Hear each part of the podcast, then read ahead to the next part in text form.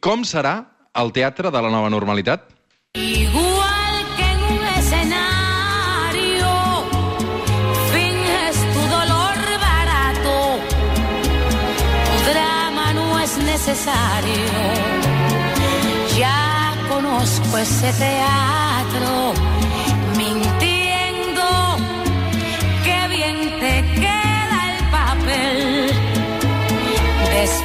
de todo parece que esa es tu forma de ser. De sempre, el teatre ha tingut una mala salut de ferro, però potser amb aquesta crisi queda definitivament eh, tocat de mort. Fa dies que expliquem que els professionals de les arts escèniques seran els últims que podran tornar a treballar quan acabi la desescalada, però com ho faran? Mantenint la distància social entre els actors mentre eh, no hi hagi vacuna? Obtenint testos sense ser futbolistes? Anant al teatre a través d'una pantalla? Té sentit el teatre per YouTube? A aquesta hora volem imaginar com serà el teatre que vindrà o que ja ha vingut i és per això que eh, ens acompanyen l'Oriol Puigtauler, que és crític i cronista de Núvol. Oriol, què tal? Bon dia. Hola, bon dia. Molt bé, molt bé. La Clara Nervión, que és companya periodista del Time Out. Clara, bon dia. Hola, bon dia a tots. I el Hola. Pau Vinyals, que és actor i que és dramaturg. Pau, com estàs? Hola, molt bé, aquí. Uh, deixem que arrenqui amb el Pau uh, per felicitar-lo també uh, per aquest debut com a autor lliure amb aquesta lectura dramatitzada del text del gegant del Pi. Amb molt bon feedback, no? Sí, la veritat és que sí, que sorprenentment, sorprenentment també la gent, eh, el format aquest de d'audioteatre o radioteatre, com, com es vulgui dir, doncs, eh, doncs eh, l'ha l'ha sorprès i ha entrat moltíssim. Per tant, sí, molt contents, sí, sí, d'haver-ho Ah, fet. deixa'm escoltar com sonava aquest gegant del Pi. Sonava així. Obro la porta, pesant i gruixuda de fusta ennegrida pel temps, i m'assec darrere de tot, mirant les pintures romàniques. Em situo mentalment a l'any 36, just abans de començar la guerra. És a dir, el Teatre Lliure fa uns dies va programar una lectura dramatitzada del text del gegant del Pi, una obra que havia escrit i dirigit a aquest que sentim, l'actor Pau Vinyals, um, i que al cap i a la fi això, d'alguna manera, Pau, no deixa de ser el radioteatre de tota la vida uh, portat a l'actualitat, no? Sí, exacte. O sigui, nosaltres vam, vam pensar que era la millor manera de, de no treure el teatre, també, no? Per anar com amb un gènere que realment ja existia i que no invadeix el camp del teatre. Si, si nosaltres haguéssim començat a fer coses amb àudio, que, que no dic que no es pugui fer, eh? també molt ben fet, però vam pensar que era, que era una manera de, de que fos complementari al teatre, diguéssim, no? però, però tampoc dir que és teatre, perquè tampoc ho és. No? Per mi el teatre és uh, anar a una sala tots junts i, i, i viure una experiència tots junts. I, Per tant, el teatre no és mirar una obra de teatre a través de YouTube, com estem fent aquests dies. Per mi no, per mi no té, no té res a veure. Per mi el teatre, el, o sigui, acaba ser, o sigui, això de mirar una obra de teatre per, per YouTube, que, que em sembla molt bé que es faci, però és més aviat com a document per, per revisitar coses o per, si tu no vas poder veure una cosa, però per estudiar-lo o perquè tens curiositat, intuir més o menys com era, però, però el teatre es fa eh, tenint en contacte amb les, amb les espatlles, amb el del cantó, i mirant l'espectacle, com sigui, i viure tots junts eh, allà dintre una experiència. I això és el teatre, i, i, i no pot ser una altra cosa. Uh, I esteu d'acord, uh, Oriol, Clara? Sí, sí, del tot. Vull dir, és una experiència col·lectiva, no?, al final, i ritual. I, aviam, per una banda, sí que el radioteatre es pot considerar un, un gènere en si mateix, i, mm. Mm. i aquí mateix a Catalunya Ràdio heu fet moltes coses de radioteatre, o a Alemanya, per exemple, que tant la cosa dels audiollibres, però sobretot el radioteatre, mm, hi ha molts dramaturgs que escriuen peces pensant en teatre i peces pensant en radioteatre, vull dir que també és un gènere en si.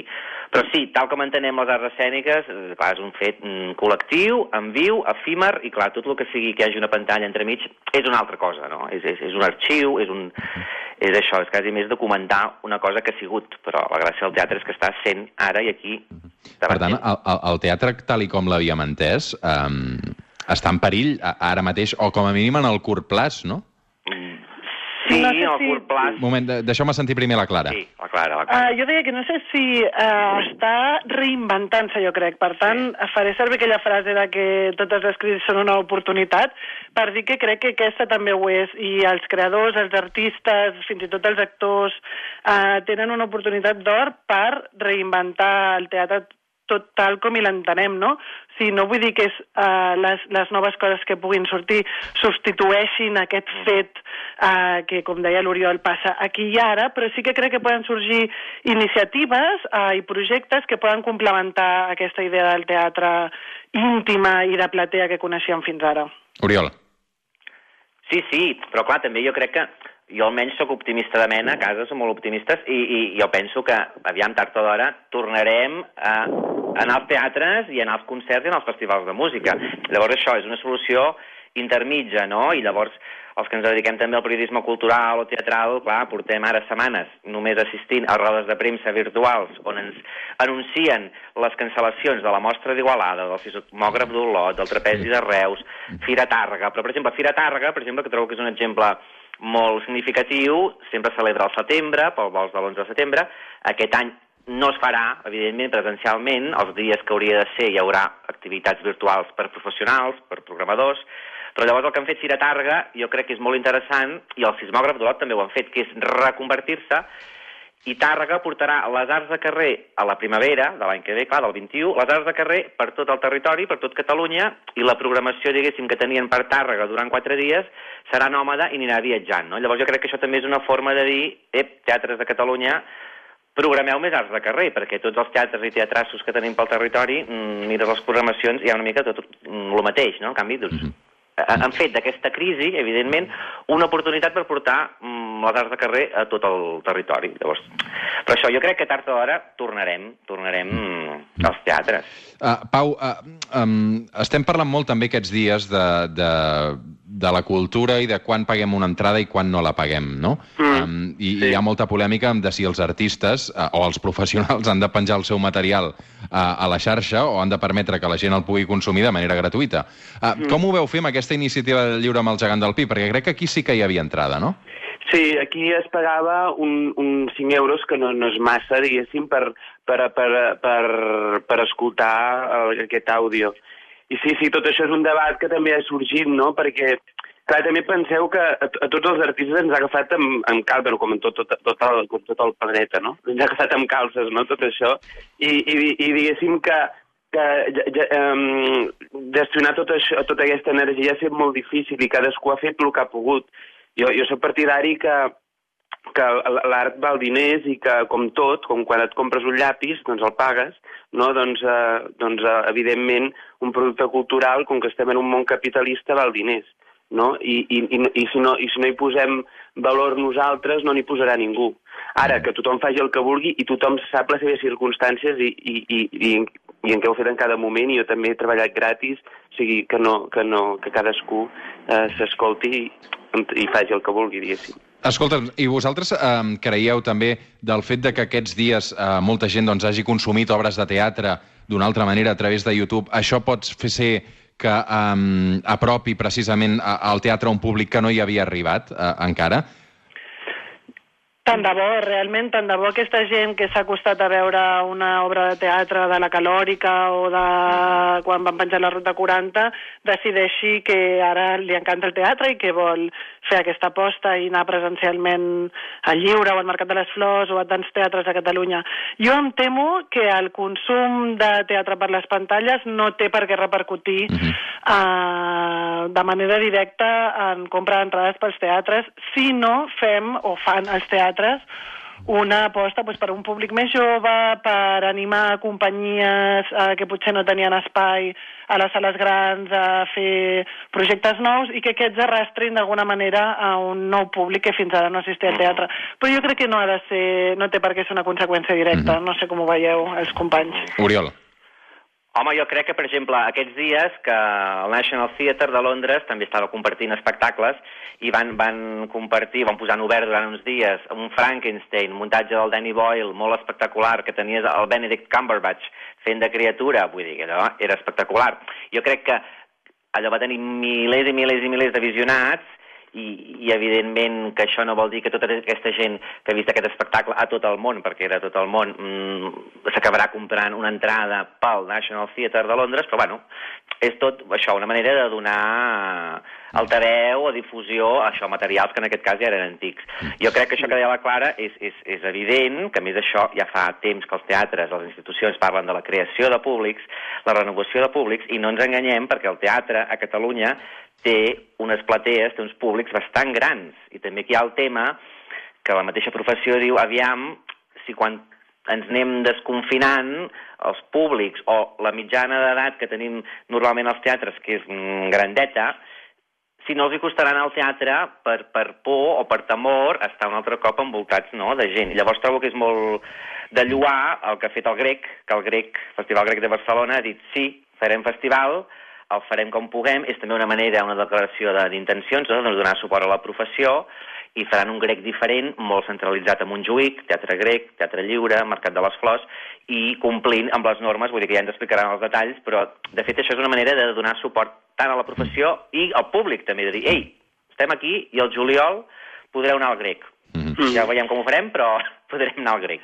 Realment Um, crec que el tema de treure la por és fonamental perquè, Sí, sí. com dius, si no, en, ens temem tots una tardor on el teatre pugui funcionar d'una manera o una altra i que la gent tingui por d'anar, i això sí que seria un problema gran. Mhm. A- Els actors i els directors se senten orfes eh, d'obres eh, i de feina, i, i els crítics, evidentment, eh, també, perquè tu, eh, Oriol, et queixes que, que, clar, ara les cobertures que estàs fent eh, són suspensions d'actes, no? Eh, et falta poder criticar, no?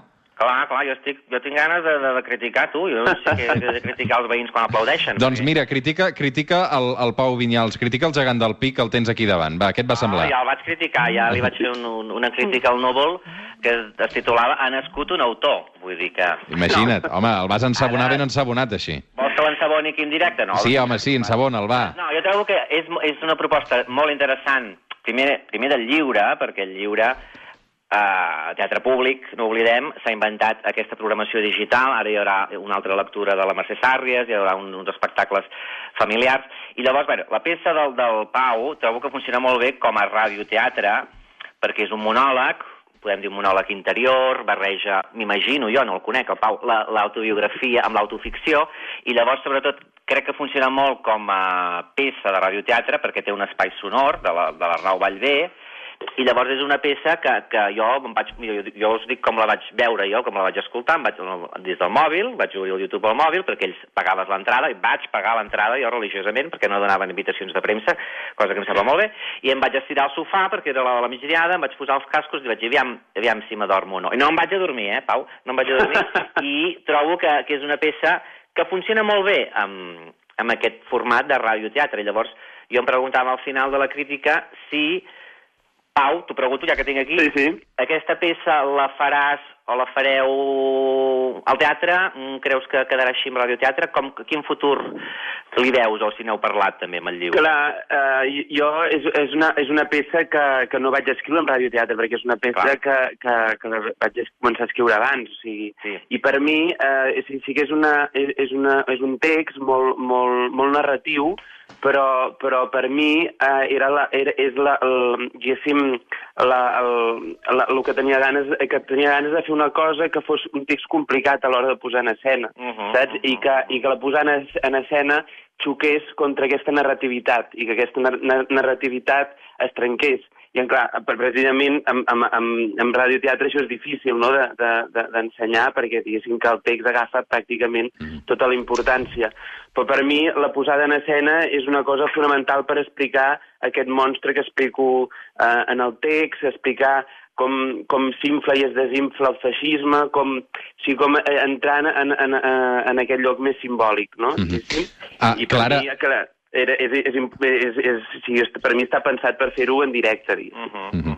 Uh, Clara, tu t'imagines anant al teatre o, o fent una crítica amb un teatre on els actors mantinguin la distància social, la distància de seguretat? Té sentit uh, que el teatre torni d'aquesta manera? O ens hem d'esperar que, que hi hagi una vacuna i, si més no, uh, o si més no, que, que, que les qüestions de, de la salut uh, doncs s'hagin resolt? Jo crec que val la pena tornar, eh, tornar al principi com puguem i com puguin, eh, tal com estava parlant abans Oriol que faria el Teatre Grec, que diu, bueno, ja no sabem exactament com ho farem, però és important tornar, tornar a posar el teatre en eh, la quotidianitat de les persones, tornar a generar hàbits i tornar a fer-nos creure que el teatre és possible. Aleshores, eh, que al principi els actors hagin de mantenir la distància de seguretat, home, sembla molt difícil de pensar-ho, però si és així, estic segura que la creativitat, una vegada més, tindrà un paper fonamental i crec que fins i tot pot arribar a ser interessant pensar quines peces sorgeixen d'aquestes dificultats que ens hi trobem. Per tant, jo crec que la resposta val la pena tornar al teatre sempre és sí. Que hem de tornar amb el 30% de, de l'aforament? Doncs som-hi. Que hem de tornar al principi mantenir unes certes distàncies... i Però, tot però amb el unes certes- 30% de l'aforament, eh, evidentment no cobreixes les despeses que costa un muntatge, no? No, No, no, però no, no. justament aquí la clau està en els teatres públics. És a dir, Sí, sí. jo puc entendre que un teatre d'explotació privada no ha de perdre diners, perquè ningú eh, no tenen cap obligació moral de perdre diners, però els teatres públics eh, han de tenir aquesta, mm, aquest recolzament, no només a la professió, sinó també als espectadors. Aleshores, jo crec que aquí hi ha una responsabilitat molt, molt gran de les institucions, de la Generalitat i també de l'Ajuntament, per otorgar als teatres, a les companyies, als autors, els recursos per fer coses que siguin deficitàries. La cultura, tots crec que podem estar d'acord amb això, no té per què donar beneficis i la cultura a vegades pot ser deficitària econòmicament perquè dona uns rèdits eh, de salut mental eh, que són impagables. Per tant, jo crec que aquí els teatres públics i els festivals públics eh, tenen un paper molt important per, per donar-nos eh, teatre fins i tot quan, quan no estiguin guanyant diners. Mm. Uh, Oriol, una altra qüestió, perquè em fa molta gràcia que crec que les teves uh, crítiques parles de les platees blanques uh, Sí. per referir-te al Sí, no públic... dir-ho ara, no sé per què, m'he com autocensurat, perquè sé Catalunya Ràdio, però sí, sí. Uh, no, no et censuris, ja ho dic jo. Uh, parles de les platees blanques per, per referir-te al públic d'edat avançada, al públic de la gent gran, i és que uh, és veritat, hi ha un teatre determinat o hi ha una oferta de teatre en què la majoria del públic és gent gran. I aquests seran els últims que es desconfinaran, no? Exacte, sí, sí, exacte, pel que dèiem abans, no?, per potser una por o una... ja ho entenc, no?, una, una prudència, una precaució de dir, bueno, ja tornarem al teatre al gener del 21, no? Llavors, sí que, per exemple, al setembre, octubre, bueno, el, el Teatre Nacional fa una roda de premsa la setmana que ve, el dimarts, explicarà aviam què fan. Llavors, la Sala Beckett a Barcelona, que és aquest teatre també, podem dir, semipúblic, una fundació, però que és molt, molt públic, la Sala Beckett i el Toni Casares ja han dit que ells volen ser dels primers si poden el juny o el juliol, de tornar a obrir, encara que sigui amb el 30%, i, per exemple, clar, això hem de pensar totes les produccions que s'havien estrenat i havien fet dos o tres funcions, o que no, o s'havien assajat i no van poder ni estrenar, clar, tot això... La Beckett, per exemple, hi havia la peça del Marc Creuet, La Morta, La Morta del Pompeu Creuet, que és una peça basada en una obra que va fer el seu besavi, bueno, que està molt bé, jo vaig anar a l'estrena i al cap de tres dies ja van haver de cancel·lar. Llavors, per exemple, la Beckett ara vol obrir amb aquesta peça, però clar, estan estudiant com s'ha de fer tot plegat, clar, perquè els diuen, haureu de desinfectar-ho tot després de cada funció. I clar, una cosa és, bueno, ho desinfectem com, qui, qui ve fer-ho, quanta estona ha de passar, etc. No? Vull dir, però sí, trobo que és important que, per exemple, el grec o ara això, la Beckett, vagin havent-hi exemples de teatres o de festivals que diuen, vinga, Mhm. som-hi, no? I a més, clar, llocs públics. Uh, són l'Oriol Puigtauler, el crític i cronista de Núvol, la Clara Nervión, periodista del Time Out, i el Pau Vinyals, actor i dramaturg. Gràcies a tots tres per haver-nos acompanyat una estona, per imaginar-nos a, a dibuixar com serà aquest teatre que ve, o que ja tenim aquí. Um, esperem també reunir-nos una altra vegada aviat en alguna sala. Una abraçada, companys. Gràcies. Vinga.